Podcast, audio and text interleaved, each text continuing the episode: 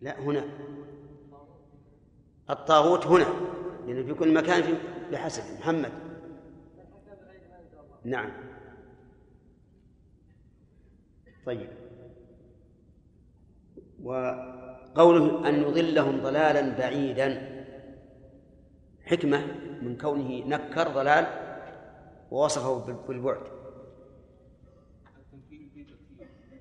نعم. في الضلال. طيب. آه، الدرس الليلة.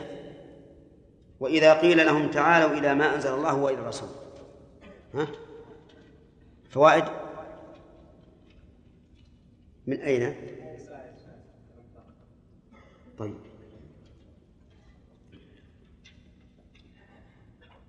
وعلى كل حال الآيات كلها يعني في موضوع واحد. إذا رأيتم نخليها بعد. ها؟ إيه؟ وإذا نخليها جميع لأنها مترابطة.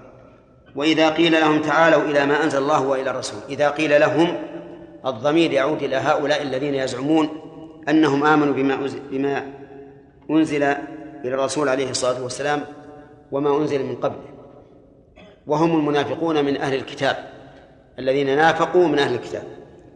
إذا قيل لهم تعالوا أقبلوا إلى ما أنزل الله يعني القرآن. ولم يقل إلى القرآن إشارة إلى بيان منزلته وعلو مرتبته وهو أنه منزل من عند الله لأن ما نزل من عند الله تقوم به الحجة على كل أحد. وإلى الرسول ولم يقل إلى قول الرسول لأنهم يدعون إلى الحضور إلى إلى حضرة النبي صلى الله عليه وعلى آله وسلم يأتون إليه ليناقشهم ويبين لهم. وأل في قوله وإلى الرسول للعهد الذهني وذلك لأن العهود ثلاثة ذهني وذكري وحضوري. فإن كان فإن كانت ال تشير إلى شيء مذكور فالعهد ذكري مثل قوله تعالى كما أرسلنا إلى فرعون رسولا فعصى فرعون الرسول. من الرسول هنا؟ موسى الذي أرسل إلى فرعون. وتكون للذهن إذا كان معلوما بالذهن كما يقول القائل لخصمه اذهب بنا إلى القاضي. أي قاض هو؟ قاضي البلد الذي المعهود. وكما في هذه الآية الكريمة وأمثلتها كثيرة وتكون للعهد الذكري الحضوري. مثل قوله تعالى اليوم أكملت لكم دينكم أي اليوم الحاضر. ومن ضوابط هذه هذه أن تأتي بعد اسم الإشارة. مثل هذا الرجل هذا اليوم هذا الأسبوع. فما تأتي بعد اسم الإشارة فهي إيش؟ للعهد الحضوري لأن اسم الإشارة يدل على شيء حاضر مشار إليه. فتكون ال الواقعة بعده تكون للعهد إيش؟ الحضوري إذن الرسول يعني محمدا صلى الله عليه وعلى آله وسلم. وسمي رسولا لأن الله أرسله. وجعله واسطة بينه وبين عباده في تبليغ شرعه. وإرسال الله إياه أكبر دليل على تزكيته. وأنه أهل لتحمل الرسالة. كما قال الله تعالى الله أعلم حيث يجعل رسالته. فالنبي عليه الصلاة والسلام جمع بين الأمانة وبين القوة في إبلاغ الرسالة. ولهذا لا أحد أشد أقوى أمانة منه ولا أحد أشد صبرا منه على ما يناله من تبليغ رسالة الله عز وجل. رأيت المنافقين. جملة رأيت جواب الشرط في قوله إذا قيل لهم تعالوا. رأيت المنافقين والتاء في قول رأيت للخطاب. ومن المخاطب؟ إما الرسول لقول ألم ترى الذين يزعمون أنهم آمنوا بما أنزل إليك؟ لأن السياق كله في خطاب الرسول. ويحتمل أن تكون للعموم لكن كونها للرسول أقرب إلى السياق.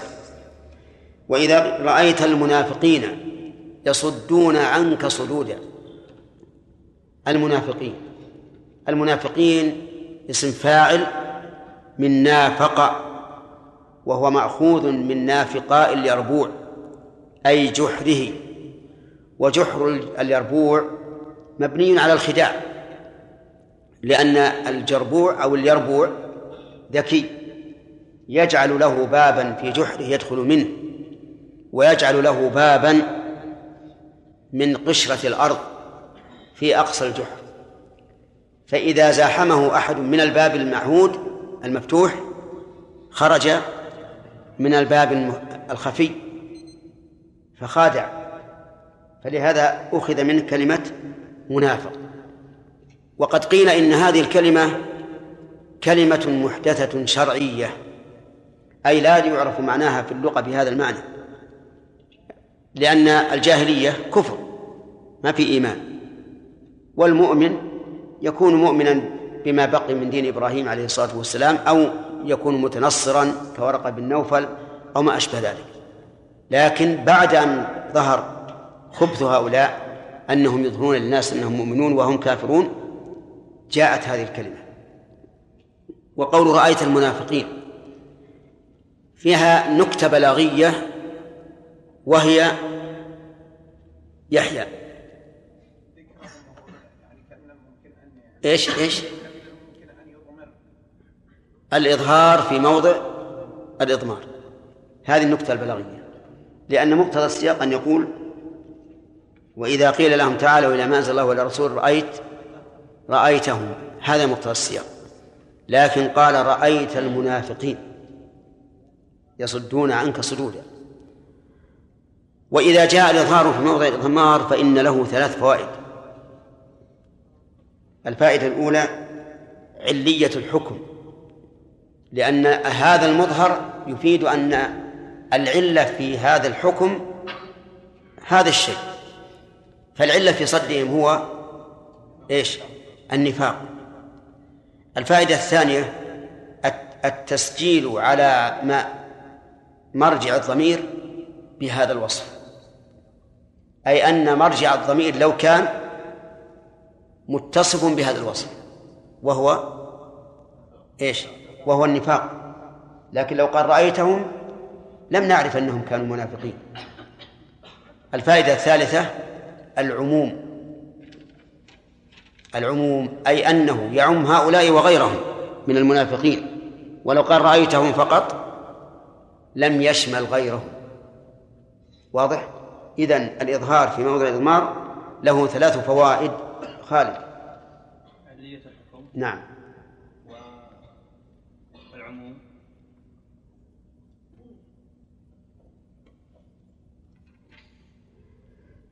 عبيد عبيد ولا عبيد الله؟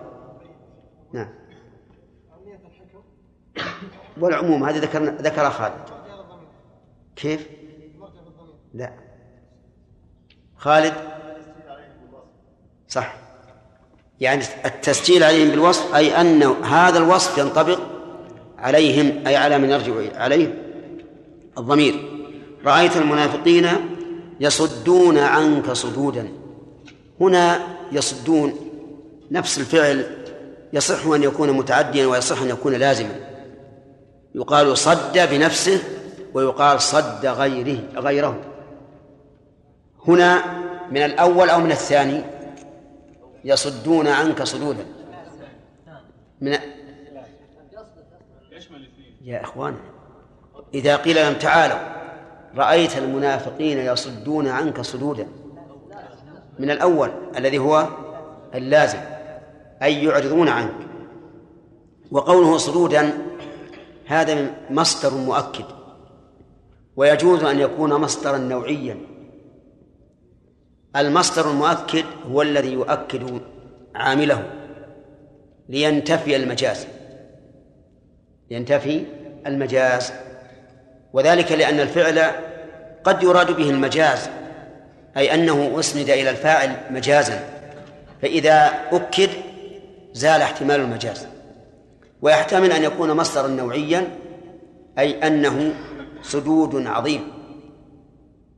فهو موصوف بوصف محذوف والتقدير صدودا عظيما. وأيهما أبلغ؟ الثاني أبلغ. الثاني أبلغ لأنه ينتظم الأول ولا عكس. فهؤلاء والعياذ بالله إذا قيل لهم تعالوا إلى ما أنزل الله إلى القرآن لنتحاكم إليه وإلى الرسول لنتحاكم إليه رأيت المنافقين يصدون عنك صدورا. يعني رأيتهم في نفاقهم وانغماسهم في النفاق يصدون عنك صدودا. وهنا قال يصدون عنك ولم يقل يصدون عن عن الذي قال لهم.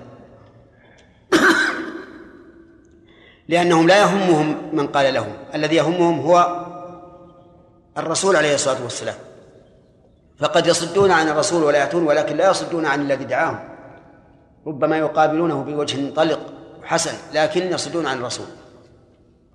فلهذا لم يقل يصدون عنه أي عن القائل بل قال يصدون عنك لأن هذا هو مرادهم.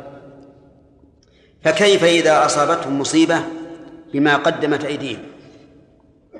كيف هذه تكون للتعجب؟ يعني اعجب لحالهم إذا أصابتهم مصيبة بما قدمت أيديهم. وهذه المصيبة هي أن يطلع على نفاقهم وعلى صدورهم وإعراضهم. فإذا قيل لهم تعالوا إلى ما الله تعالوا إلى الرسول وصدوا وأعرضوا ثم اطلع على ذلك فهذه هي المصيبة. وإنما كانت مصيبة بالنسبة إليهم لأنهم لا يريدون أن يطلع على عوارهم وعلى كفرهم فهم منافقون.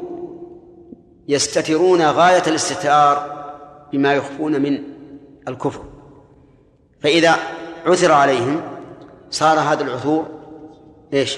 مصيبة عظيمة فإذا أصابتهم هذه المصيبة بما قدمت أيديهم أي بسبب ما قدمته أيديهم من الكفر والنفاق ثم جاءوك أي جاءوا إلى الرسول عليه الصلاة والسلام يحلفون بالله إن أردنا إلا إحسانا وتوفيقا جملة يحلفون حال من الواو في جاءوك جاءوك متلبسين بهذا الحلف.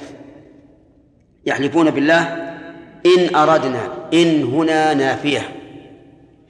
وقرينة كونها نافية. إيش؟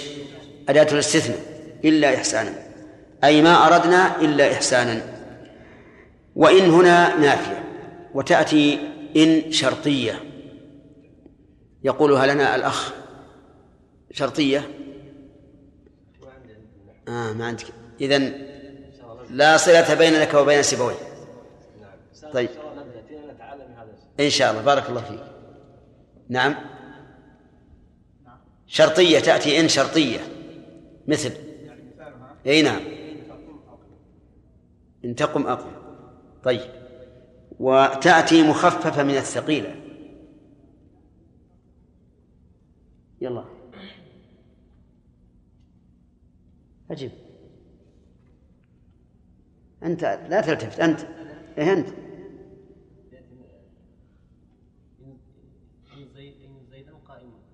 إيش؟ إن الزيداني إن الزيدان إن الزيداني كذا؟ أفصح أفصح يا أخي ما في شيء.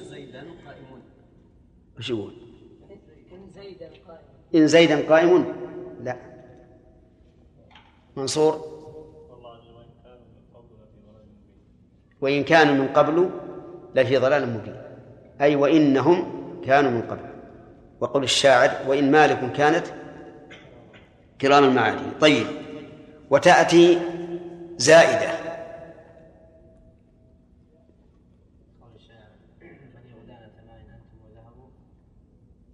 ولا صريف الخزف. طيب. بني غدانة ماء أنتم ذهب ولا صريف ولكن أنتم الخزف. وهذا هذه ثلاثة ثلاثة. الرابع تأتي نافية كما في هذه الآية. إن أردنا إلا إحسانا وتوفيقا. قول إلا إحسانا وتوفيقا. ما هو الإحسان؟ الإحسان هو أن ينبسطوا إلى المؤمنين. إذا لقوا الذين آمنوا قالوا آمنا. وإلى المنافق وإلى الكفار إذا لقوا الذين كفروا قالوا إن معكم. فيريدون الإحسان أي السير بدون عداوة لهؤلاء ولا هؤلاء. وتوفيقا أي بين الناس. حيث نثر لهؤلاء أن معهم فنوافقهم. وهؤلاء أنهم أن معهم فنوافقهم أيضا. وهذا والعياذ بالله غاية النفاق. يعني ما أردنا إلا الإحسان أن لا يحصل بيننا تضارب وبين غيرنا لأنهم لا يحتملون المنافقون. والتوفيق بين الناس. نوفق. وسيأتي إن شاء الله في الفوائد بيان ذلك. قال الله تعالى أولئك الذين يعلم الله ما في قلوبهم. أولئك المشار إليه هؤلاء الذين يزعمون أنهم آمنوا. آمنوا بما أنزل إلى الرسول وما أنزل من قبله وأتى باسم الإشارة الدال على البعد لعلو مرتبتهم أو لانحطاط مرتبتهم. لانحطاط مرتبتهم. وذلك أن الإشارة بالبعيد قد تكون إشارة إلى البعيد الحسي. كما تقول هذاك فلان بعيد. وقد تكون إشارة إلى البعيد المعنوي. البعيد بعدا معنويا إما علوا وإما إيش؟ نزولا حسب ما يقتضيه السياق. فهنا أولئك الذين هذا نزول. وقوله تعالى إن الذين آمنوا وعملوا الصالحات أولئك هم خير البرية. علو. إن الذين كفروا من أهل الكتاب والمشركين في نار جهنم خالدين فيها أولئك هم شر البرية. هذا نزول. فجمعت الآيتان بين العلو والنزول. أولئك الذين يعلم الله ما في قلوبهم يعلم ولم يقل علم لأن علم الله فيه مستمر سابقا وحاضرا ولاحقا. ولهذا أتى بالفعل المضارع الدال على الاستمرار. وقول ما في قلوبهم أي ما تضمره من النفاق والكفر. يعني وأما أنتم فلا تعلمون ما في قلوبهم. لأنه ليس لنا إلا الظاهر لكننا نعلمهم بالقرائن. قال الله تعالى ولو نشاء لأريناكم فلا عرفتهم بسيماهم بعدها ولا تعرفنهم في لحن القول أي إشارته ومفهومه. وهذا يكون لأهل الفراسة وكلما كان الإنسان أقوى إيمانا بالله كان أشد فراسة. حتى إن بعض الناس لا يقرأ ما في قلب الإنسان من على صفحات وجهه. لذلك نقول المنافقون لا يعلمهم إلا الله هذا الأصل ولكن ربما نعرفهم في لحن القول أو بفراسة آه، يعطيها الله تعالى من شاء من عباده. فأعرض عنهم. يعني لا تتعب نفسك معهم ولا ولا تعاملهم معاملة الكافرين فتقاتلهم لأنهم لم يعلنوا بالعداوة. ولهذا لما استؤذن النبي صلى الله عليه وعلى آله وسلم في قتل من استؤذن في قتله منهم قال لا لا يتحدث الناس أن محمدا يقتل أصحابه وهذا هو عين الحكمة. لأننا لو سلطنا سيوفنا على أمثال هؤلاء لقتلنا عالما. وقد يكونون مؤمنين. وإذا كان الرجل المشرك الذي لحقه أسامة وأدركه بالسيف قال له النبي عليه الصلاة والسلام أقتلته بعد أن قال لا إله إلا الله مع أن الظاهر أنه قالها إيش؟ تعوذا.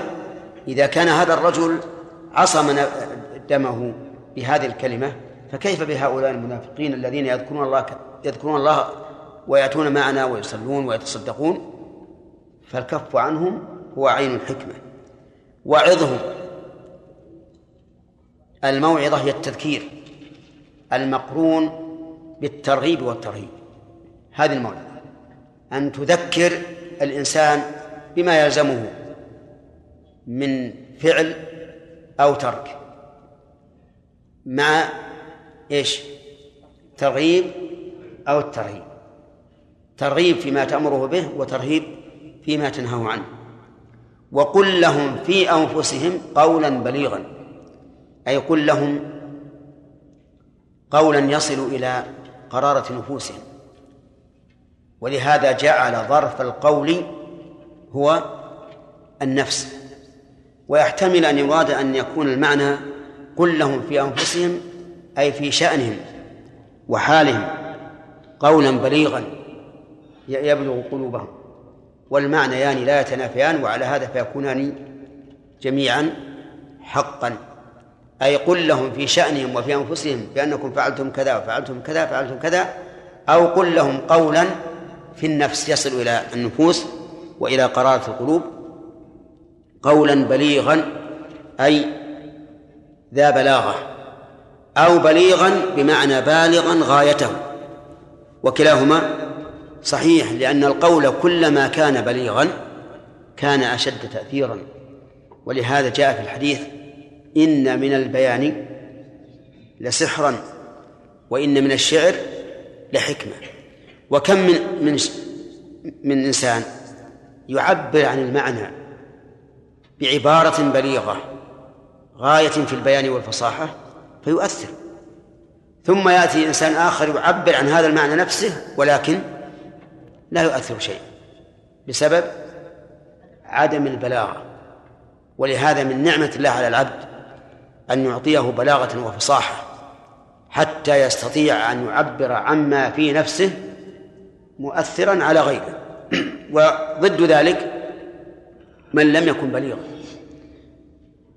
والبلاغة صارت فنا مستقلا. ألف فيه العلماء الكتب. وهي فن لذيذ لذيذ جدا. وليت أنه يتسهل لنا أن نقرأ منه لأنه مفيد من وجه وله ذوق طيب من وجه آخر ونرجو الله أن ييسر. هذه الآيات كما سمعتم نزلت في قوم منافقين يزعمون أنهم مؤمنون بالله ورسوله وليسوا كذلك. فنرجع الآن إلى استنباط الفوائد من هذه الآيات. يقول الله عز وجل ألم ترى الذين يزعمون يستفاد من هذه الآية فوائد منها التعجب من هذه الحال الشاذة. التعجب من هذه الحال الشاذة. من أين علمنا ذلك؟ من الاستفهام. ألم ترى لأن المراد بذلك التعجيب يعني أن نتعجب من حاله. ومن فوائد هذه هذه الآية الكريمة أن الإنسان قد يدعي ما ليس صادقا فيه. لقوله يزعمون أنهم آمنوا بما أنزل إليك وما أنزل من قبلك. ومن فوائدها وجوب الإيمان بما أنزل إلى الرسول وما أنزل من قبله. لقوله أنهم آمنوا بما أنزل إليك وما أنزل من قبلك وهذا يدل على أن الإيمان بما أنزل من قبله يساوي الإيمان بما أنزل إليه وإن كان يخالفه من حيث المنهاج والشرعة كما قال تعالى لكل جعلنا منكم شرعة ومنهاجا. وإلا فأصل الأديان واحد من حيث الإيمان والمعتقدات لكنه يختلف في الشرع والمنهاج لأن الله حكيم. يشرع لكل أمة ما يناسبها وما تقتضي وما يقتضيه تقتضيه حالها من الصلاح والإصلاح. ومن فوائد هذه الآية الكريمة كمال الإسلام والمتمسكين به لأن الإسلام يأمر الناس بالإيمان بكل ما أنزل الله والمتمسكون به كذلك يؤمنون بكل ما أنزل الله. الذين اعتنقوا غير الإسلام كاليهود والنصارى لا يؤمنون بكل ما أنزل الله. أليس كذلك؟ أما السابقون منهم فإنما يؤمنون به إيمانا حكميا. يعني يؤمنون بما بما تأخر عن شرائعهم إيمانا حكميا لأنهم لم يدركوه ولكنهم يؤمنون به. يعني أن المؤمنين بموسى في وقته والمؤمنين بعيسى في وقته يؤمنون بالقرآن. لأنهم يجدون أن الرسول مكتوبا مكتوب عندهم في التوراة والإنجيل لكنه إيمان حكمي. أما إيمان المسلمين بالقرآن وبال وبالشرائع السابقة فهو إيمان حقيقي إيمان حقيقي لأن دين الإسلام هو المتأخر. ومن فوائد الآية الكريمة إثبات علو الله. نعم. من أين يؤخذ؟ من ذكر الإنزال. طيب إذا قال قائل لم يذكر المنزل بما أنزل إليك. أنزل. ما قال بما أنزلنا؟ لأنه معلوم. والمعلوم كالمذكور. ولهذا قال الله تعالى وخلق الإنسان ضعيفا. لو قال قائل من الذي خلق الإنسان؟ قلنا إيش؟ الله. ما ما في الآية خلق الله الإنسان. نقول لأنه معلوم أنه لا خالق إلا الله. وهذا معلوم كونه خلق الإنسان ضعيفا وإنزال الوحي معلوم شرعا. لأن الذي ينزل الوحي هو الله عز وجل. إذن فيستفاد من هذا أن يستفاد من هذا علو الله عز وجل. وهذا ما دل عليه الكتاب والسنة وإجماع السلف والعقل الصريح والخامس الفطرة.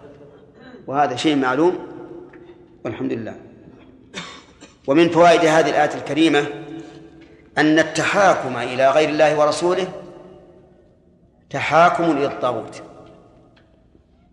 لقوله يريدون أن يتحاكموا إلى الطاغوت. ومن فوائدها أن التحاكم إلى غير الله ورسوله كفر. من أين يؤخذ؟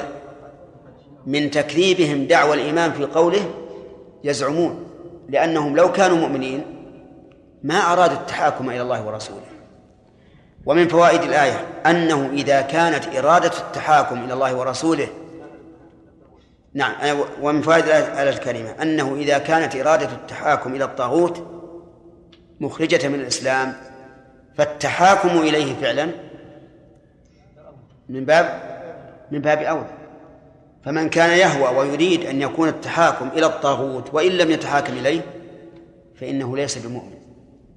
فكيف بمن حقق هذه الإرادة وتحاكم إلى الطاغوت فعلا؟ ولهذا قال الله تعالى في آية أخرى فلا وربك فلا وربك لا يؤمنون حتى يحكموك فيما شجر بينهم ثم لا يجدوا في أنفسهم حرجا مما قضيت. ويسلموا تسليمه. قيود قيود عظيمة مؤكدة. فلا وربك لا يؤمنون. هذه جملة مؤكدة بقسم وبحرف زائد لفظا. القسم وربك والحرف الزائد لا لأن هذه ليست نافية. حتى يحكموك فيما شجر بينهم هذا الفعل. ثم لا يجدوا في أنفسهم حرجا مما قضيت. ألا يجد ضيقا فيما قضيت. الثالث يسلم تسليما أي تسليما كاملا بدون تردد.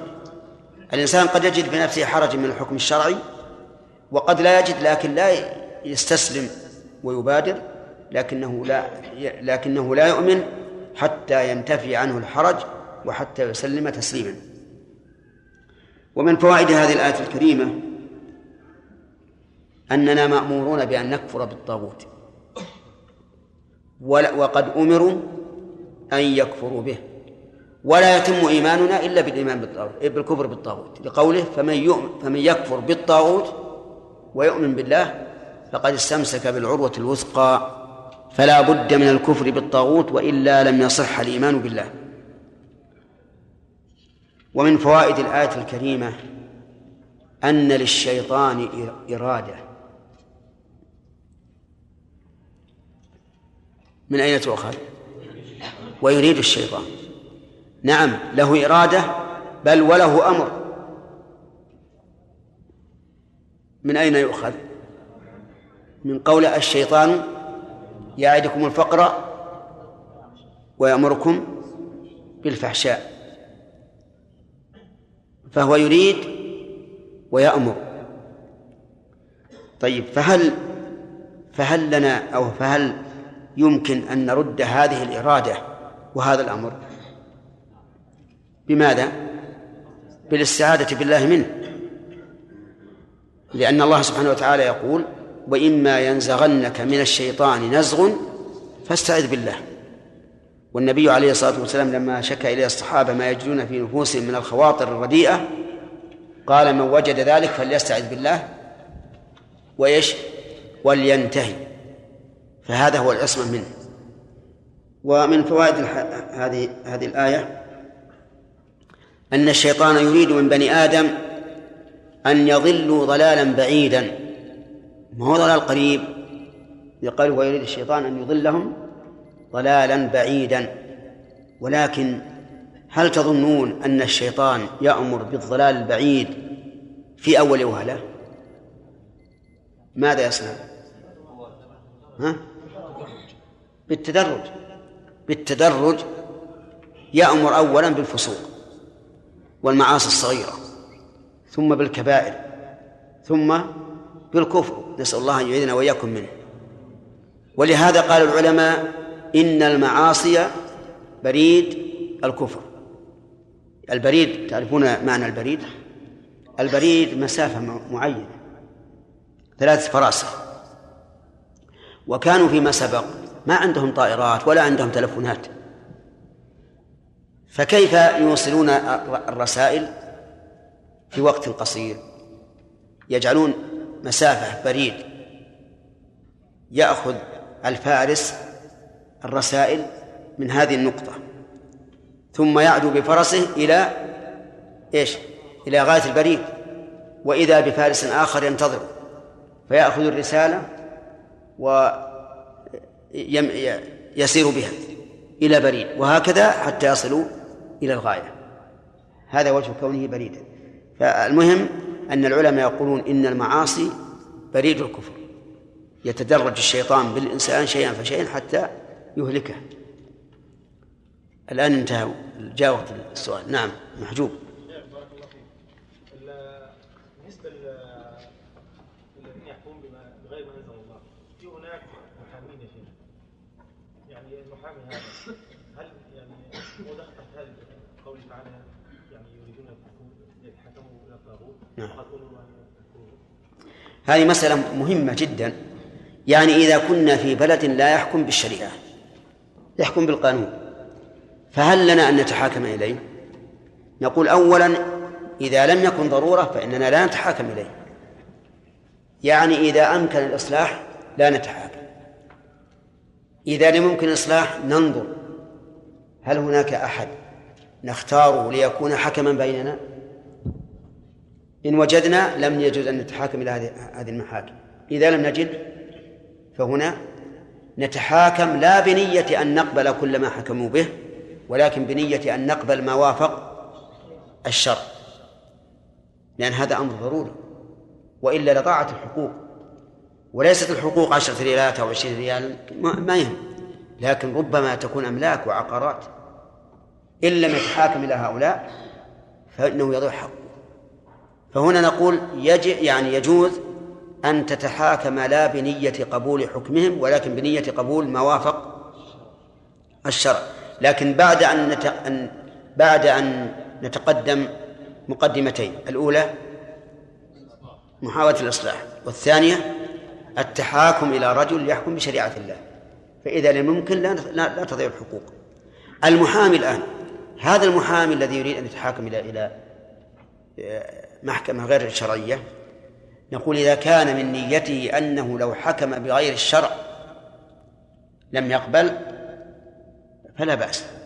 أما إذا كان من نيته أن أن يحكم له بما يريد سواء وافق الشرع أم لا فهذا حرام. حتى لو كان في محاكم شرعية.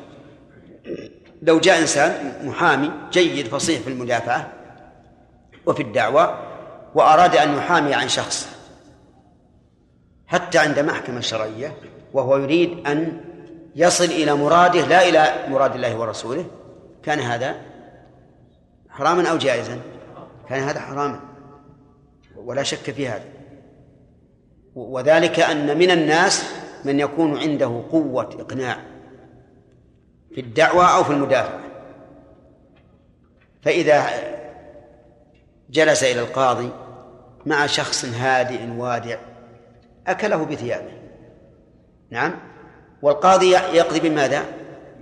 بما يسمع كما قال النبي عليه الصلاة والسلام وهذه قاعدة في كل المحامين الذين يحامون يريدون أن يصلوا إلى مرادهم دون مراد الله ورسوله فهؤلاء لا, لا يحل لهم أن يسلكوا هذه الطريقة سليم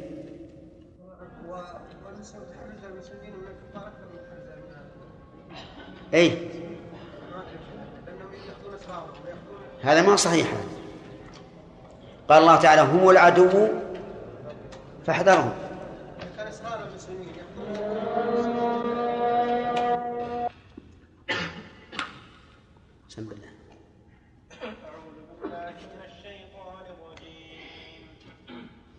وما أرسلنا من رسول إلا ليطاع بإذن الله. ولو أنهم إذ ظلموا أنفسهم جاءوك فاستغفروا الله فاستغفروا الله واستغفر لهم الرسول لوجدوا الله توابا رحيما. فلا وربك لا يؤمنون حتى يحكموك فيما شجر بينهم. حتى يحكموك فيما شجر بينهم ثم لا يجدوا في أنفسهم حرجا حرجا مما قضيت ويسلموا تسليما. نعم. ولو أنا كتبنا عليهم أن اقتلوا أنفسكم أو اخرجوا من دياركم ما فعلوه ما فعلوه إلا قليل منهم. ولو أنهم فعلوا ما يوعظون به لكان خيرا لهم وأشد تثبيتا. وإذا لآتيناهم من لدنا أجرا عظيما. ولهديناهم صراطا مستقيما. كفاية بس. الحمد لله. أعوذ بالله من الشيطان الرجيم. قال الله تعالى وما أرسلنا من رسول إلا ليطاع بإذن الله. الفوائد بقي علينا من؟ نعم. قال الله تعالى أولئك الذين يعلم الله ما في قلوبهم. يستفاد من هذه الآية الكريمة أن الله تعالى لا يخفى عليه ما في الصدور بقوله يعلم ما في قلوبهم. ومن فوائدها أن الإنسان مؤاخذ على كسب القلب. أن الإنسان مؤاخذ على كسب القلب. ولا يعارض هذا. قول النبي صلى الله عليه وعلى آله وسلم إن الله تجاوز عن أمتي ما حدثت به أنفسها ما لم تعمل أو تتكلم. لأن حديث النفس ليس فيه استقرار. يعني أن الإنسان يحدث نفسه لكن لا يستقر. فإن استقر صار عملا. ولهذا قال العلماء للقلب عمل وللنفس حديث. فعمل القلب هو أن يستقر على الشيء ويأخذ به. فما هو الذي توعد الله عليه في قوله أولئك الذين يعلم الله ما في قلوبهم. الجواب هو عمل القلب. أن الإنسان يعمل بقلبه أن يطمئن للشيء الذي حدثت به نفسه حدثته به نفسه. ومن فوائد هذه الآية الكريمة وجوب الإعراض حيث لا ينفع الكلام. لقوله فأعرض عنهم وقد ذهب بعض العلماء إلى أن هذه الآية منسوخة بآيات الجهاد وليس كذلك بل آيات الجهاد في شيء وهذه في شيء آخر. هذه في في مجادلة المنافقين والمنافقون لا يمكن أن يجاهدوا بالسلاح لأن لأنهم يظهرون أنهم مسلمون ولا يمكن أن يجاهدوا إلا بالبيان والعلم. إلا بالعلم والبيان. فإذا بينا لهم ولكن استمروا في الجدال فإننا نعرض عنهم ولهذا قال الإمام مالك رحمه الله إذا أتاك مجادل فبين له السنة ولا تجادله لأنك إذا بينت له السنة جعلت الحجة عليه بين يديه. فإن جادل فإنه يجادل من؟ يجادل الله لا يجادلك أنت. بين السنة ولا تجادل فيها مجادلا لأن الواجب على من تبينت له السنة أن يقبل بدون جدال. ومن فوائد هذه الآية الكريمة أنه إذا أعرض الإنسان عن هؤلاء المنافقين وأمثالهم فإنه لا يتركهم بدون موعظة بل يعظهم لعلهم ينتفعون بقوله وعظهم. وقد سبق لنا معنى الموعظة وهي ما حضرت؟ نعم.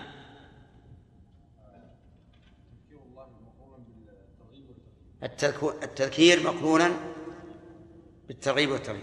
نعم. ومن فوائد هذه الآية الكريمة أنه ينبغي الإنسان إذا تكلم أن يتكلم بكلام بليغ يصل إلى النفس بقوله وقل لهم في أنفسهم قولا بليغا.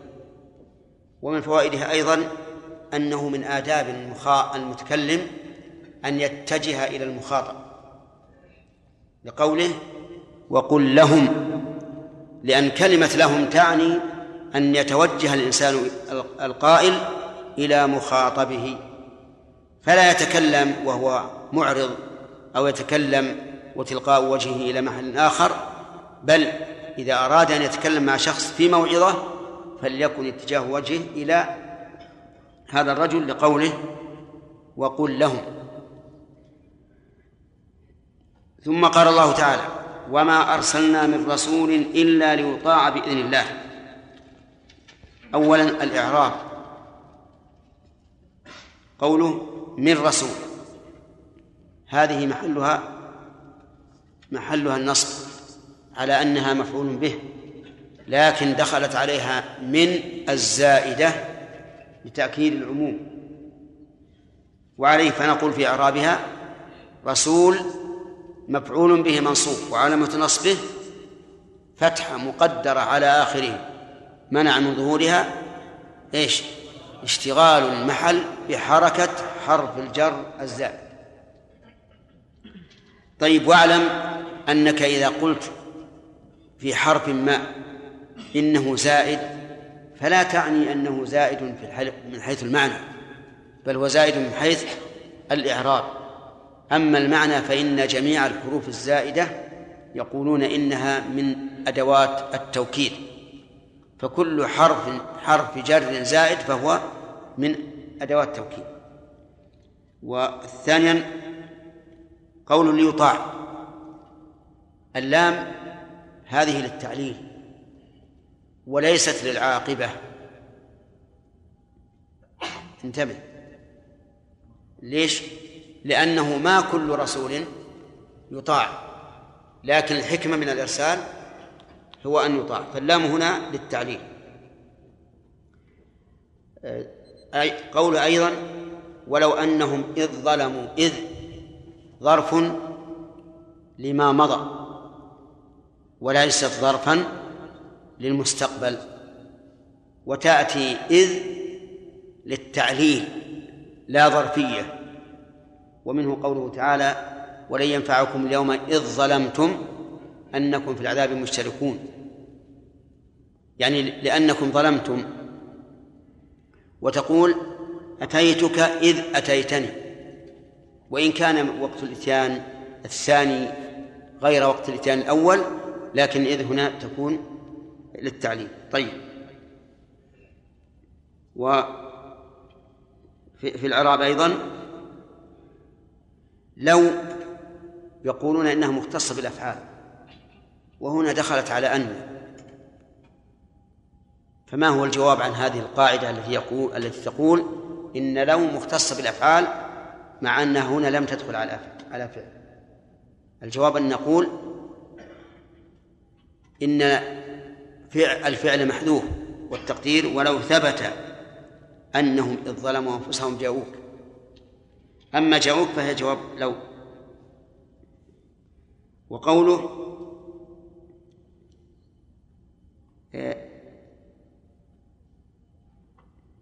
لوجدوا الله توابا رحيما. ولو أنهم إذ ظلموا أنفسهم جاءوك فاستغفروا الله واستغفر لهم الرسول لوجدوا الله. اللام أيضا واقعة في جواب في جواب الشرط. لوجدوا الله توابا رحيما إلى آخره. يقول الله عز وجل إنه ما أرسل من رسول إلا ليطاع بإذن الله. لم يرسل الرسل من أجل أن يكذبوا ويؤذوا. وإن كانت العاقبة قد تكون التكذيب والإيذاء لكن الأصل في إرسال الرسل هو إيش؟ طاعته. كما في قوله تعالى وما, وما خلقت الجن والإنس إلا ليعبدون. يعني هذا هو الأصل في خلق الجن والإنس أن أنهم خلقوا للعبادة لا للهو واللعب ولكن هل هذا متحقق في كل واحد من البشر وكل واحد من الجن؟ لا. إذن هذه الآية كالآية التي في سورة الذاريات. لكن التي في سورة الذاريات تتعلق بشهادة أن لا إله إلا الله وهذه تتعلق بشهادة أن محمدا رسول الله. هذه في الرسالة وتلك في التوحيد. فالرسل ما أرسلوا إلا ليطاعوا لا ليكذبوا ويؤذوا ويقتلوا لأن من الرسل من كذب وأوذ وأوذي وقتل ومن الرسل من من أوتي. الحمد لله. يهديكم الله سبحانه. وقول إلا ليطاع بإذن الله. إذن الله تعالى تنقسم إلى قسمين. إذن كوني وشرعي. والمراد به هنا إيش؟ الشرعي. ويحتمل أنه الكوني يعني ليطاع إذا أذن الله إذا أذن الله تعالى بذلك كونا. ومن ومن الرسل الذين أرسلوا ليطاعوا محمد صلى الله عليه وعلى آله وسلم. ولهذا فر عليه قوله ولو أنهم إذ ظلموا أنفسهم جاءوك. يعني لو أنهم حين ظلموا أنفسهم جاءوك يعني جاءوك في حال ظلم أنفسهم وذلك فيما وقع بينهم من خصومة فتحاكموا إلى غير الرسول صلى الله عليه وعلى آله وسلم. فلو أنهم حين حصلت منهم هذه هذه المظلمة لو أنهم جاءوا إلى الرسول عليه الصلاة والسلام فاستغفروا الله واستغفر لهم الرسول لوجدوا الله توابا رحيما. طيب. وقوله إذ ظلموا يعني حين ظلموا أنفسهم. وذلك بما وقع بينهم من نزاع وخصومة. جاءوك أي جاءوا إلى الرسول عليه الصلاة والسلام. ومن المعلوم أن المراد جاءوك في حال حياتك. ويدل لهذا قوله واستغفر لهم الرسول لأنه بعد موته لا يمكن أن يستغفر لهم إذ أن عمله انقطع بموته كما قال النبي صلى الله عليه وعلى آله وسلم إذا مات الإنسان انقطع عمله. جاءوك فاستغفروا الله أي عما وقع منهم من ظلم واستغفر لهم الرسول تأكيدا لذلك. لوجدوا الله توابا رحيما. وهنا في قوله واستغفر لهم الرسول فيها إظهار في موطن الإضمار والأصل واستغفرت لهم لكنه أظهر في موضع الإضمار تنبيها على أن النبي صلى الله عليه وعلى آله وسلم رسول وأن استغفار الرسول له مزية على غيره إذ أن دعوة الرسول مستجابة فلهذا أتى بوصف الرسالة دون الضمير الذي هو في الأصل مكان في, في هذا المكان. لوجدوا الله توابا رحيما. قلنا اللام واقعة في جواب لو. وأن جاءوك هي خبر أن. والتقدير ولو أنهم جاءوك حين ظلموا أنفسهم فاستغفروا الله واستغفر لهم الرسول. فإعراب إذن إذن نعيد الإعراب مرة ثانية. إذ ظرف. والظرف لا بد له من متعلق. وهو متعلق بقوله جاءوك. فاستغفر لهم الرسول معطوفة على جاءوك. فاستغفر الله معطوفة على جاءوك واستغفر لهم الرسول معطوفة عليه أيضا. لوجد الله اللام واقعة في جواب لو وعلى هذا فيكون جواب لو هو قوله لواجد الله. وقوله توابا التواب من أسماء الله سبحانه وتعالى. وتوبة الله تعالى تنقسم إلى قسمين. توبة بمعنى التوفيق للتوبة وتوبة بمعنى قبول التوبة. فمن الأول قول الله تبارك وتعالى وعلى الثلاثة الذين خلفوا حتى إذا ضاقت عليهم الأرض بما رحبت وضاقت عليهم أنفسهم وظنوا أن لا ملجأ من الله إلا إليه ثم تاب عليهم إيش بعده؟ ليتوب. معنى تاب؟ وفقهم للتوبة وقدرها لهم. وأما قوله تعالى وهو الذي يقبل التوبة عن عباده فهو دليل على أن التواب تأتي بمعنى قابل التوبة ومنه قوله تعالى غافل الذنب وقابل التوب. إذن فالتواب من أسماء الله وله معنيان الأول الموفق للتوبة والثاني القابل للتوبة. وقوله رحيما هي أيضا من أسماء الله. فمن أسماء الله تعالى الرحيم. ورحمة الله تعالى تنقسم إلى قسمين عامة وخاصة. فالعامة هي الشاملة لجميع الخلق وهي تكون للمؤمن وللكافر والبر والفاجر لكنها في الدنيا فقط. وأما الخاصة فهي الخاصة بالمؤمنين لقوله تعالى وكان بالمؤمنين رحيما وهي تكون في الدنيا وفي الدين أيضا. ثم أعلم أن رحمة الله تعالى وصف من أوصافه الثابتة له على وجه الحقيقة وليست كما يزعم أهل التعطيل بمعنى إرادة الإحسان أو الإحسان لأن أهل التعطيل لا يؤمنون بأن الله له رحمة.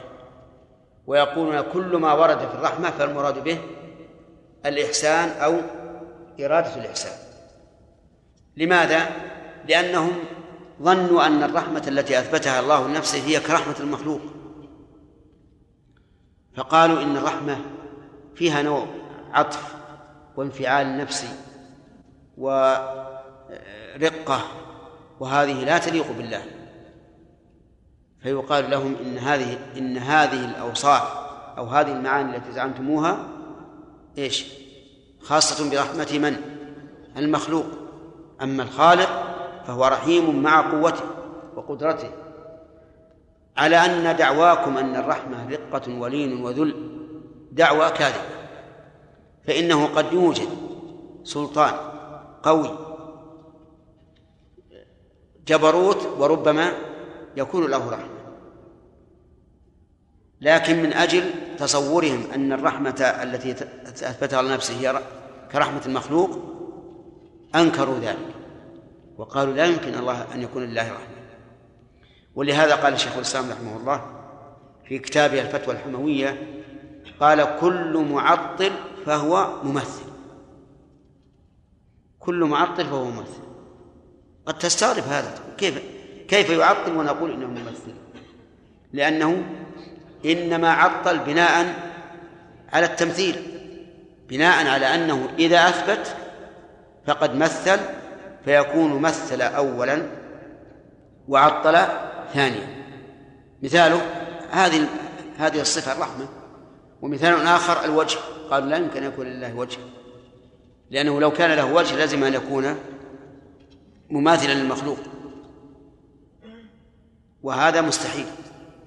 فنقول الآن أنت مثلت أولا وعطلت ثانيا.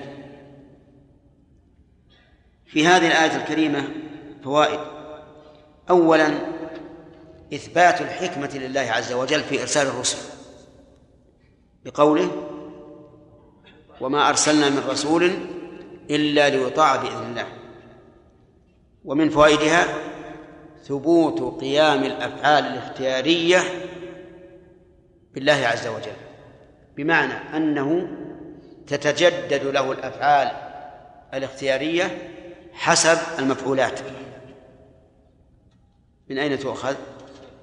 من قوله أرسلنا لأن إرسال الرسل يتجدد. أولهم نوح وآخرهم محمد صلى الله عليه وسلم. ومن فوائد هذه الآية الكريمة إثبات تعليل أفعال الله. إثبات تعليل أفعال الله من أين يؤخذ؟ من قوله إلا ليطاع بإذن الله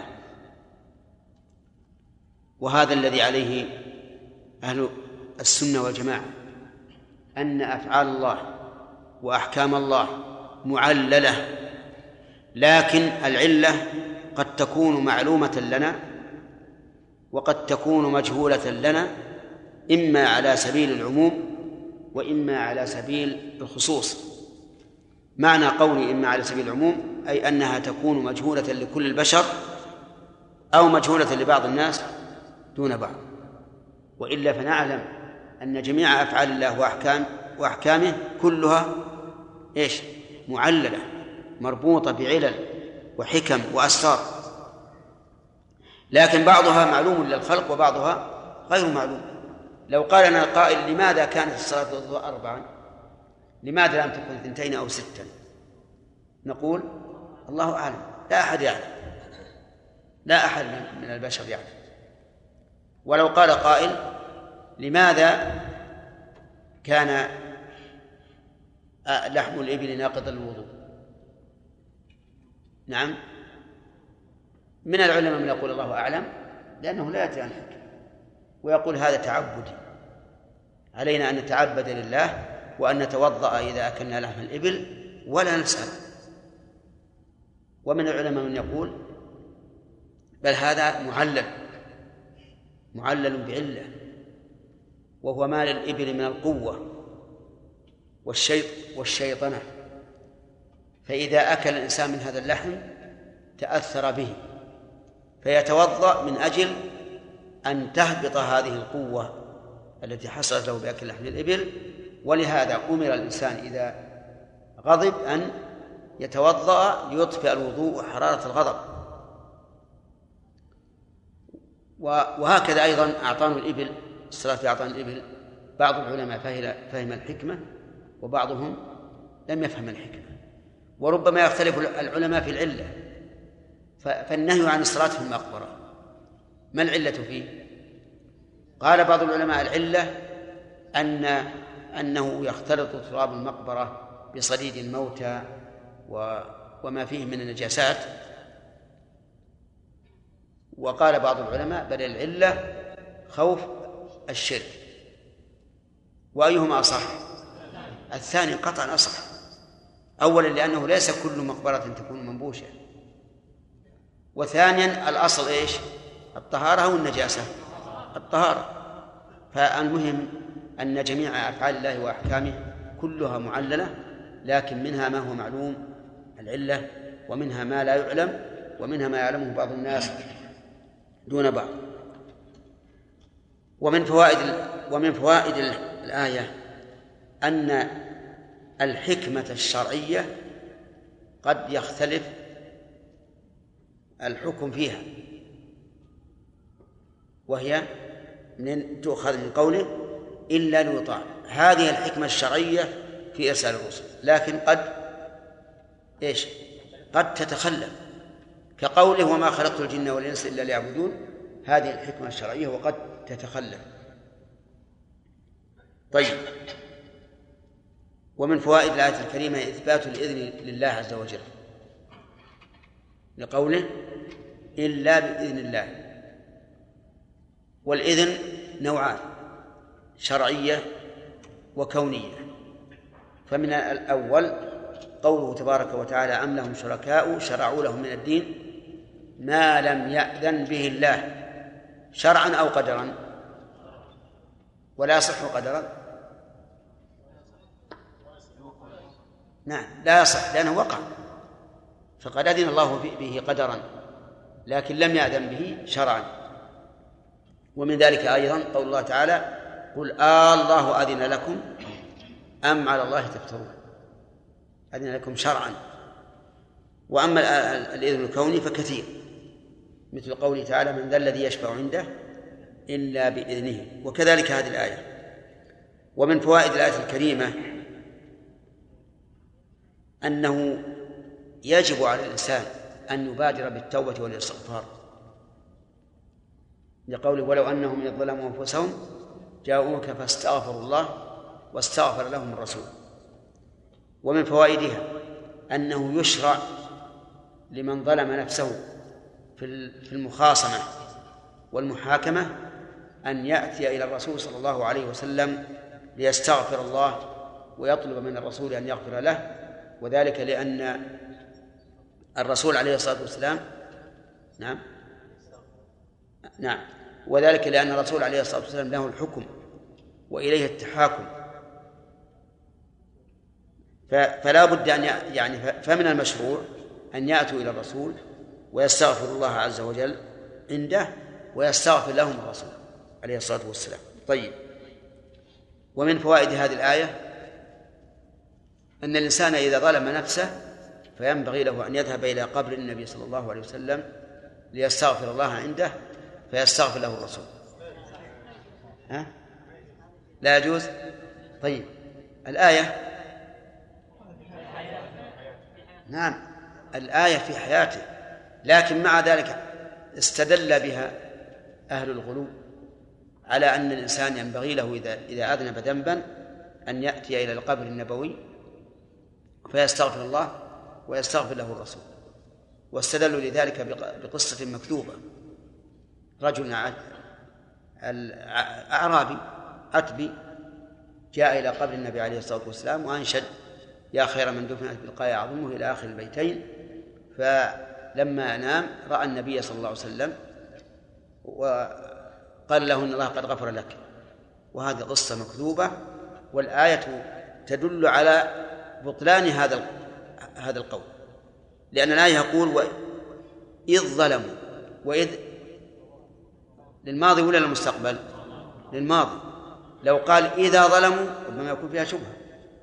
ولكنه قال إذ ظلموا. على أنه لو قال إذا ظلموا لم يكن فيها دليل.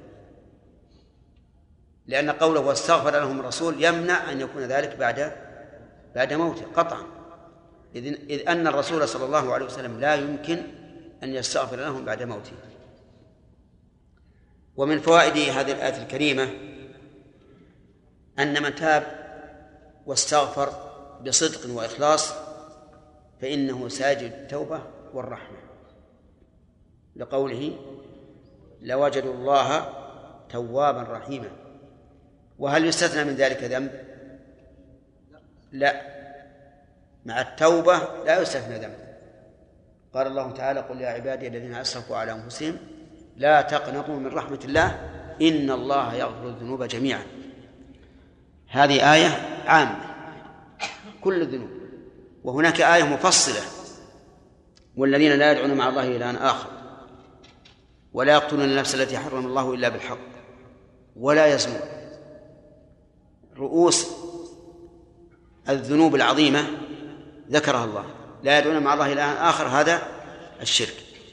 ولا يقتلون النفس العدوان على النفس وهو أعظم العدوان الجسدي. ولا يزنون عدوان على العرض ومن يفعل ذلك يلقى أثاما يضاعف له العذاب يوم القيامة ويخلد فيه مهانا إلا من تاب. وآمن وعمل عملا صالحا فأولئك يبدل الله سيئات حسنات. وهل يشمل هذا المنافقين؟ نعم يشملهم للعموم. ولقوله تعالى في المنافقين خاصة إن المنافقين في الدرك الأسفل من النار ولن تجد لهم نصيرا إلا الذين تابوا وأصلحوا واعتصموا بالله وأخلصوا دينهم لله فأولئك مع المؤمنين وسوف يؤتي الله المؤمنين يؤتي الله المؤمنين أجر عظيم ثم قال الله تبارك وتعالى طيب هل يؤخذ من الآية طلب الدعاء من الغير بأن تقول يا فلان استغفر الله لي؟ أو يؤخذ منه انتفاع الإنسان بدعاء غيره. نعم. الثاني.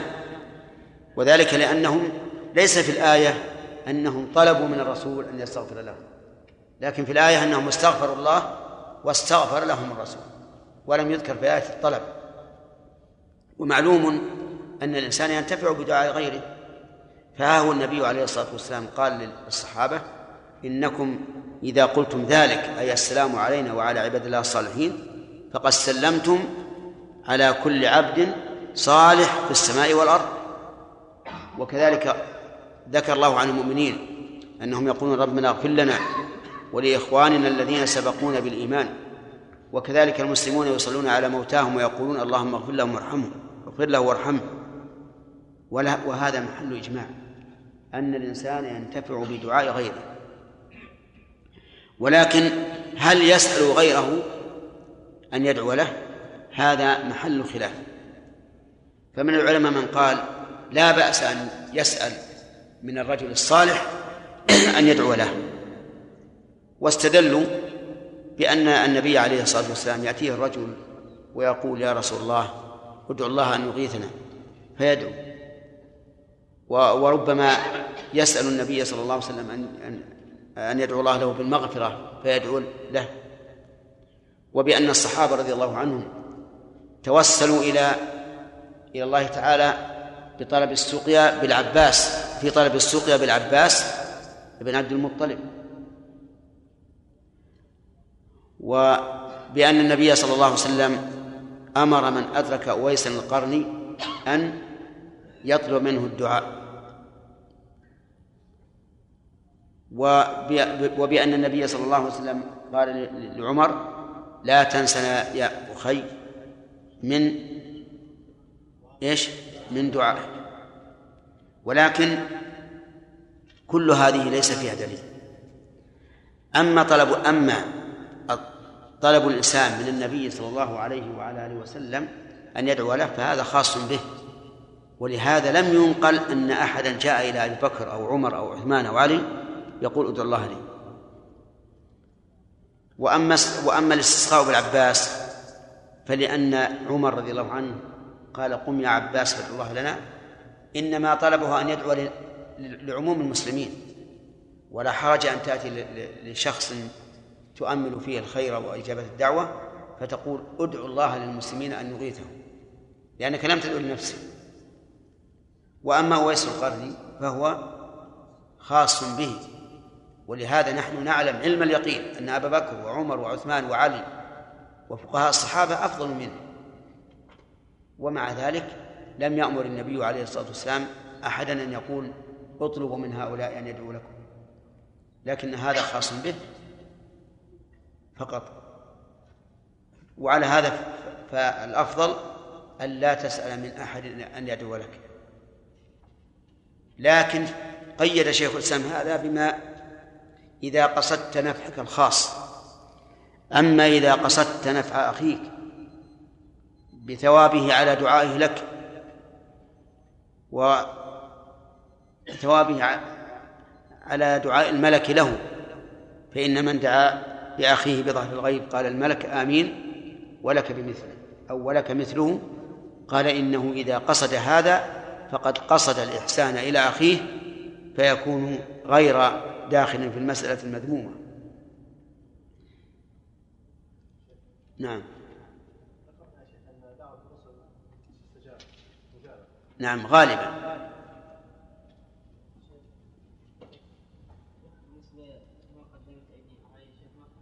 كيف؟ نعم. يعني بما قدموا أي بسبب ما قدموا من المعصية. ها؟ سألتني سؤال في الدرس الماضي. ما فهمت السؤال؟ وما فهمت الإجابة إيش؟ إطلاق البعض على الكل. إطلاق البعض على الكل. نقول إنه يطلق إذا أطلق البعض وأريد الكل دل هذا على أن هذا البعض شرط في بقاء الكل. فذكر الأخ علي السلطان إشكالا على ذلك بقولهم ما قدم هديهم فقلنا أنهم أجابوا عن هذا بأنه عبر بالأيدي لا لأنها ركن شرط في بقاء بقية البدن ولكن لأنها آلة العمل غالبا. نعم. بارك الله فيكم. قوله صلى الله عليه وسلم ما لم تعمل أو يتكلم. نعم. لا يشكل على الشيخ ما رجحنا فيما سبق أن من حديث النفس بحيث لو حدث الإنسان نفسه ثم أنزل أن هذا لا يفطر لأن هذا حدث نفسه كيف؟ واسترسل. سبق الشيخ في أنه لا لا يفطر لا يفطر. لكن الشيخ هذا مثلا هذا وقر في قلبه نعم. في صدره. نعم. لأنه حدث نفسه وبدأ يسترسل وكل مرة أراد مثلا يعني ينزل شهوته يسترسل ويقول هذا حديث نفس. إيه صحيح. ثم ينزل. إيه نعم. ويقضي شهوته. إيه. ما فعل شيئا. وفي الحديث- وفي الحديث يترك شهوته من أجله. اي نعم. ما ترك شهوته ما فعل. لكنه فعل الشيخ استرسل. حديث النفس هذا استرسل معه. بس ال- الاسترسال هل حصل منه فعل؟ نعم. ما حصل منه فعل نعم ولهذا قلنا لو حصل فعل مثل أن يحرك ذكره مثلا أو يتمرغ على الأرض فسد صومه. الله عنك يا شيخ أليس إذا سمعت عن النبي صلى الله عليه وسلم أن الله يرد إليه روحه ويسلم نعم. بلى.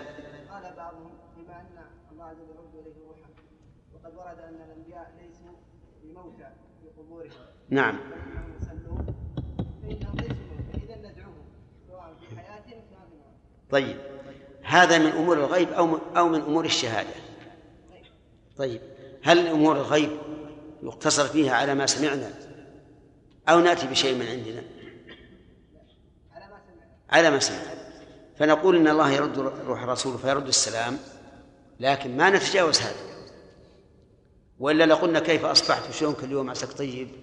نعم. ثم الحياة البرزخية غير الحياة الدنيوية. حتى الشهداء أحيانا عند أحيانا عند ربهم يرزقون. لكن حياة البرزخ غير حياة الدنيا. وإلا لقلنا إن الصحابة رضي الله عنهم جنوا جناية عظيمة على الرسول حيث دفنوه وهو وهو حي. ها؟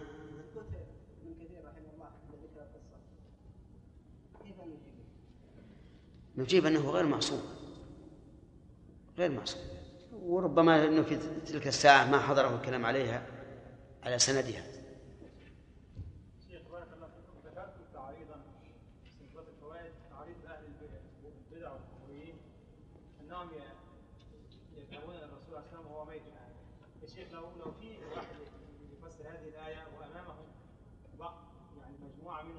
يظن أنه منهم بعض الناس هل يستحسن يعرض عليهم هذه لينقضها؟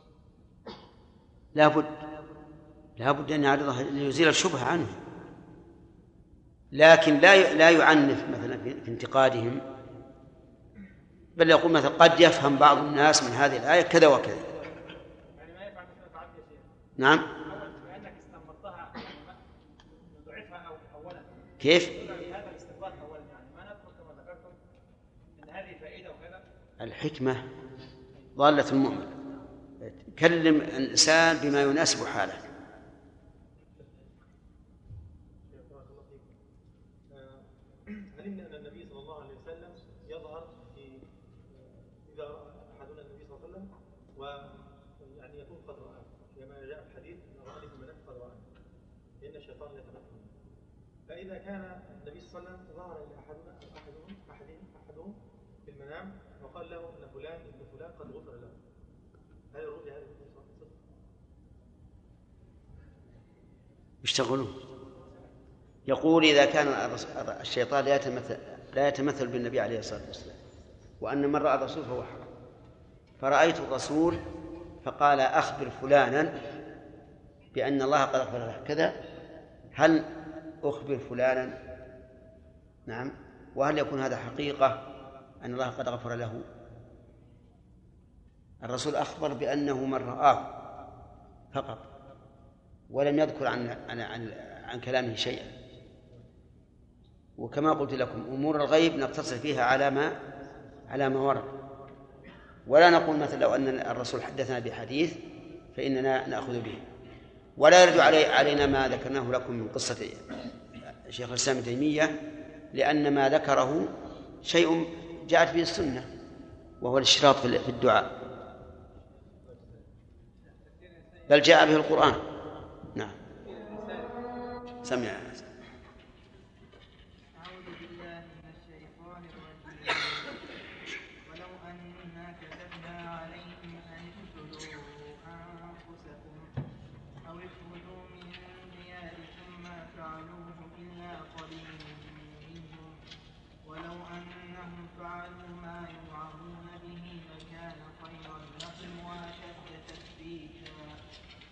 إذا لآتيناهم من لدنا أجرا عظيما ولهديناهم صراطا مستقيما ومن يطع الله والرسول فأولئك مع الذين أنعم الله عليهم مع الذين أنعم الله عليهم من النبيين والصديقين والشهداء والشهداء والصالحين وحسن أولئك رفيقا. ذلك فضل ذلك الفضل من الله. وكفى بالله عليما. أعوذ بالله من الشيطان الرجيم. سبق الكلام على قوله تبارك وتعالى فلا وربك لا يؤمنون حتى يحكموك فيما شجر بينهم. وأخذنا فوائدها. قال الله تعالى ولو أنا كتبنا عليهم أن اقتلوا أنفسكم أو اخرجوا من دياركم. أيضا تكلمنا على أول هذه الآية من حيث التفسير والإعراب.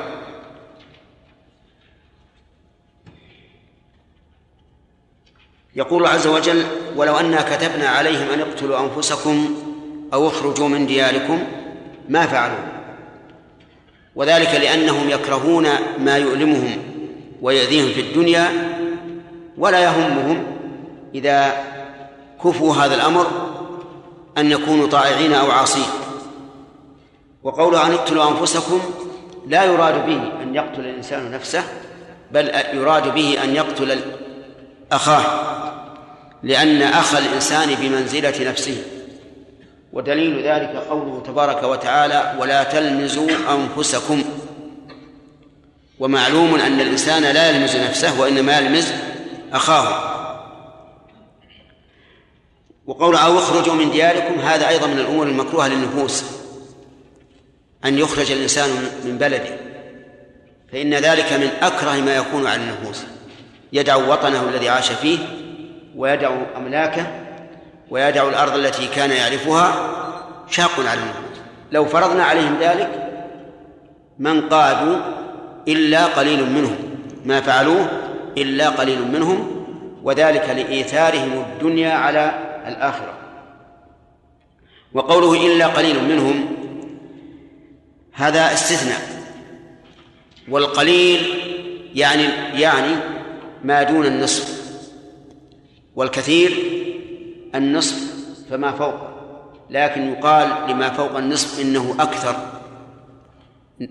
ويقال لما دونه إنه الأقل. ولو أنهم يعني لو أن هؤلاء الذين تحاكموا إلى غير الرسول عليه الصلاة والسلام وأمروا أن يتحاكموا إلى الرسول. لو أنهم فعلوا ما يوعظون به لكان خيرا لهم. والذي يوعظون به هو الرجوع إلى كتاب الله وسنة رسوله صلى الله عليه وعلى آله وسلم. لكان خيرا لهم في الحال والمآب وأشد تثبيتا أي أشد إثباتا على الحق.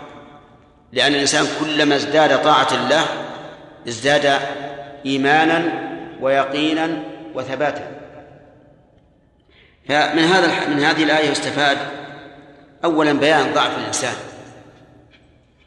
وأنه لا يستطيع أن يتحمل كل ما أمر به إذا كان لا يلائمه لا سيما مع ضعف الإيمان خصوصا إذا قلنا إن هذه الآية نزلت في المنافقين ومن فوائدها أن قتل. قتل أن قتل الناس بعضهم بعضا من أشق ما يكون على النفوس. ومن فوائدها أيضا أن الإخراج من الديار هو من الشاق على النفوس لأن الله تعالى ضربه هنا مثلا أو اخرجوا من دياركم. ومن فوائد هذه الآية الكريمة أن الناجي من من العباد قليل لقوله ما فعلوه إلا قليل منهم. ففتش نفسك. هل أنت من هؤلاء القليل؟ أو من الكثير؟ وهذا الحكم يشهد له ما ثبت في الصحيحين وغيرهما أن الله سبحانه وتعالى ينادي يوم القيامة يا آدم فيقول لبيك وسعديك فيقول الله له أخرج من ذريتك بعثا إلى النار فيقول يا ربي وما بعث النار؟ قال من كل ألف تسعمائة وتسعة وتسعون. يعني واحد في الألف من أهل الجنة والباق والباقون من بني آدم من أهل النار. فعظم ذلك على الصحابة. وقالوا يا رسول الله أينا ذلك الواحد؟ فقال أبشروا فإنكم في أمتين ما كانتا في شيء إلا كثرتاه يأجوج ومأجوج. ثم قال إني لأرجو أن تكونوا أن تكونوا ربع أهل الجنة وثلث أهل الجنة وشطر أهل الجنة. ففرح الصحابة بذلك وكبروا. هذا يدل على أن بني آدم الأقل القليل منهم هم الذين ينجون من النار والباقون من أهل من أهل النار نعوذ بالله منهم ومن فوائد هذه الآية الكريمة أن طاعة الله سبحانه وتعالى سببا لكل أن طاعة الله تعالى سبب لكل خير. قالوا ولو أنهم فعلوا ما يوعظون به لكان خيرا لهم. ومن فوائدها أن الأحكام الشرعية مواعظ. ولهذا سمى الله القرآن موعظة فقال يا أيها الناس قد جاءتكم موعظة من ربكم وشفاء لما في الصدور وهدى ورحمة للمؤمنين. ووجه كون الأوامر والنواهي موعظة أن الإنسان يتعظ بها. فيمتثل الأمر ويجتنب النهي. وكثير من الناس لا يفهم من كلمة موعظة إلا ما كان مقرونا بالترغيب أو الترهيب وهذا ليس بشر ومن فوائد هذه الآية الكريمة تفاضل المنازل بين العباد. لقول يا خالد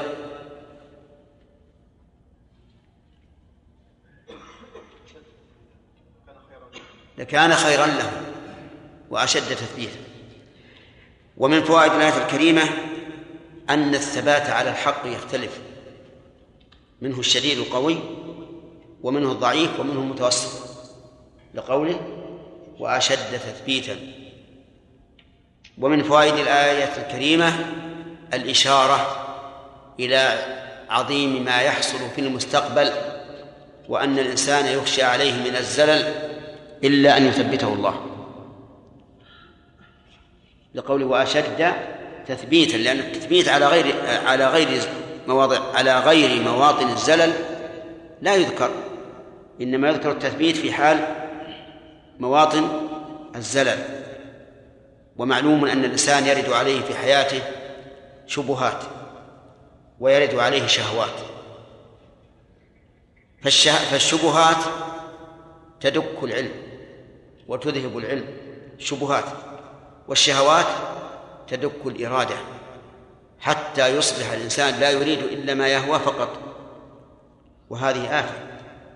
فالإنسان فالإنسان يحيط به شيئان شبهة يزول بها العلم. شهوة تزول بها الإرادة. فإذا لم يثبته الله بالعلم والإرادة الصادقة والعزيمة الجازمة فإنه يهلك.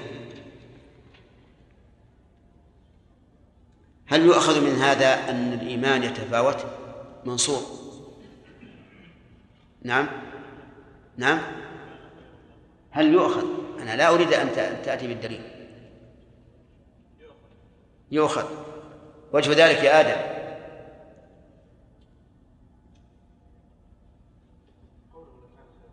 وجهه.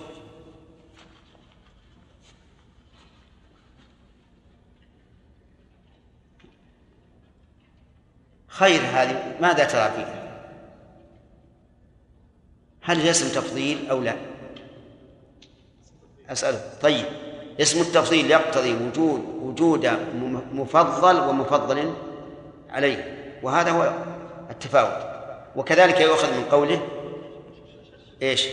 وأشد تثبيتا أن الإيمان يتفاوت. ثم قال تعالى وإذا لآت لآتيناهم من لدنا أجرا عظيما ولهديناهم صراطا مستقيما. إذن ظرف للزمن الحاضر وإذ للماضي وإذا للمستقبل. فهذه فهذه الظروف الثلاث فهذه العوامل الثلاثة والأدوات الثلاث تقاسمت الزمان. إذ زاد وإذا إي نعم. وإذا للحاضر. يعني وإذا لو أنهم فعلوا ما يوعظون به لأتبناهم على ذلك. لآتيناهم من لدنا أجرا عظيما. آتى بالمد بمعنى أعطى فهي من أخوات من أخوات إيش؟ كسى. أي من من العوامل التي تنصب فعلين ليس أصلهما المبتدأ والخبر. وب... آه نعم. هي من العوامل التي تنصب مفعولين ليس أصلهما المبتدأ والخبر. بخلاف ظن بخلاف ظن وأتيا فإنها تنصب مفعولين أصلهما المبتدأ والخبر. مثال ذلك تقول زيد قائم أدخل عليها ظن ظننت زيدا قائما. وتقول كسوت زيدا جبة. حو احذف العامل.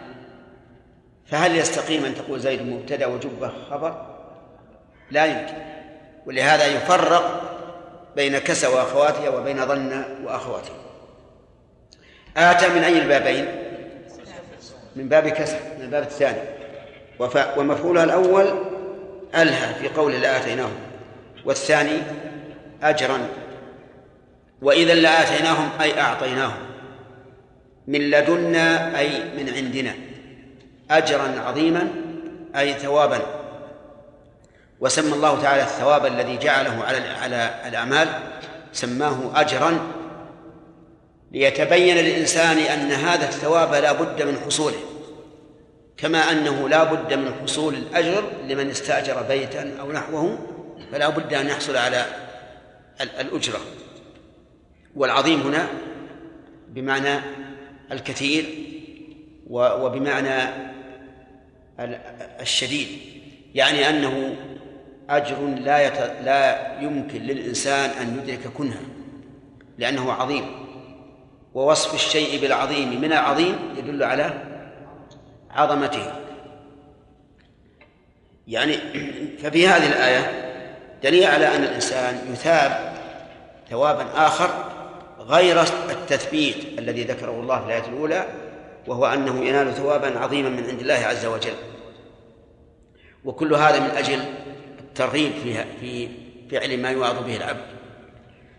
وفي هذه الآية الكريمة دليل على بطلان قول الصوفية الذين يقولون أعبد الله لله ولا تعبده لثواب الله.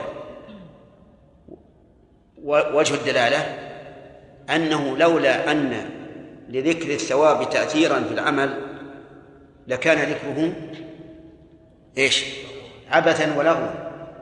فالله عز وجل لم يذكر الثواب ويرغب في العمل من أجل الثواب إلا ليبين أن نية الثواب لا لا تضعف العمل ولا تنافي الإخلاص.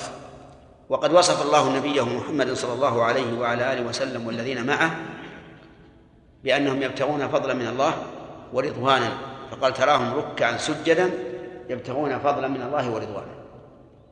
على أنه جاء في آية أخرى المدح في الذين يبتغون وجه الله. فيكون فيكون هذا دليلا على أنك إن أردت وجه الله فإنك مثاب وإن أردت ثواب الله فإنك مثاب أيضا. ومن فوائد الآية الكريمة عظم هذا الثواب. من وجهين.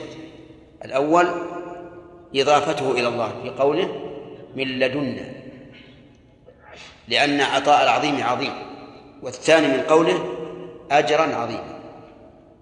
ولهديناهم صراطا مستقيما. صراطا هذه فيها قراءتان بالسين والصاد. صراطا وصراطا. وهدى هذه أيضا تنصب مفعولين ليس أصلهما المبتدأ والخبر. المفعول الأول ألهى في قول هديناهم والثاني صراطا. هديناهم الهداية هنا تشمل هداية العلم والإرشاد وهداية التوفيق والرشاد. وقد مر علينا أنه إذا عديت إذا عدي العامل بإلى فهو هداية الدلالة والإرشاد. وإذا جرد من حرف الجر شمل هذا وهذا وذكرنا لهذا شواهد.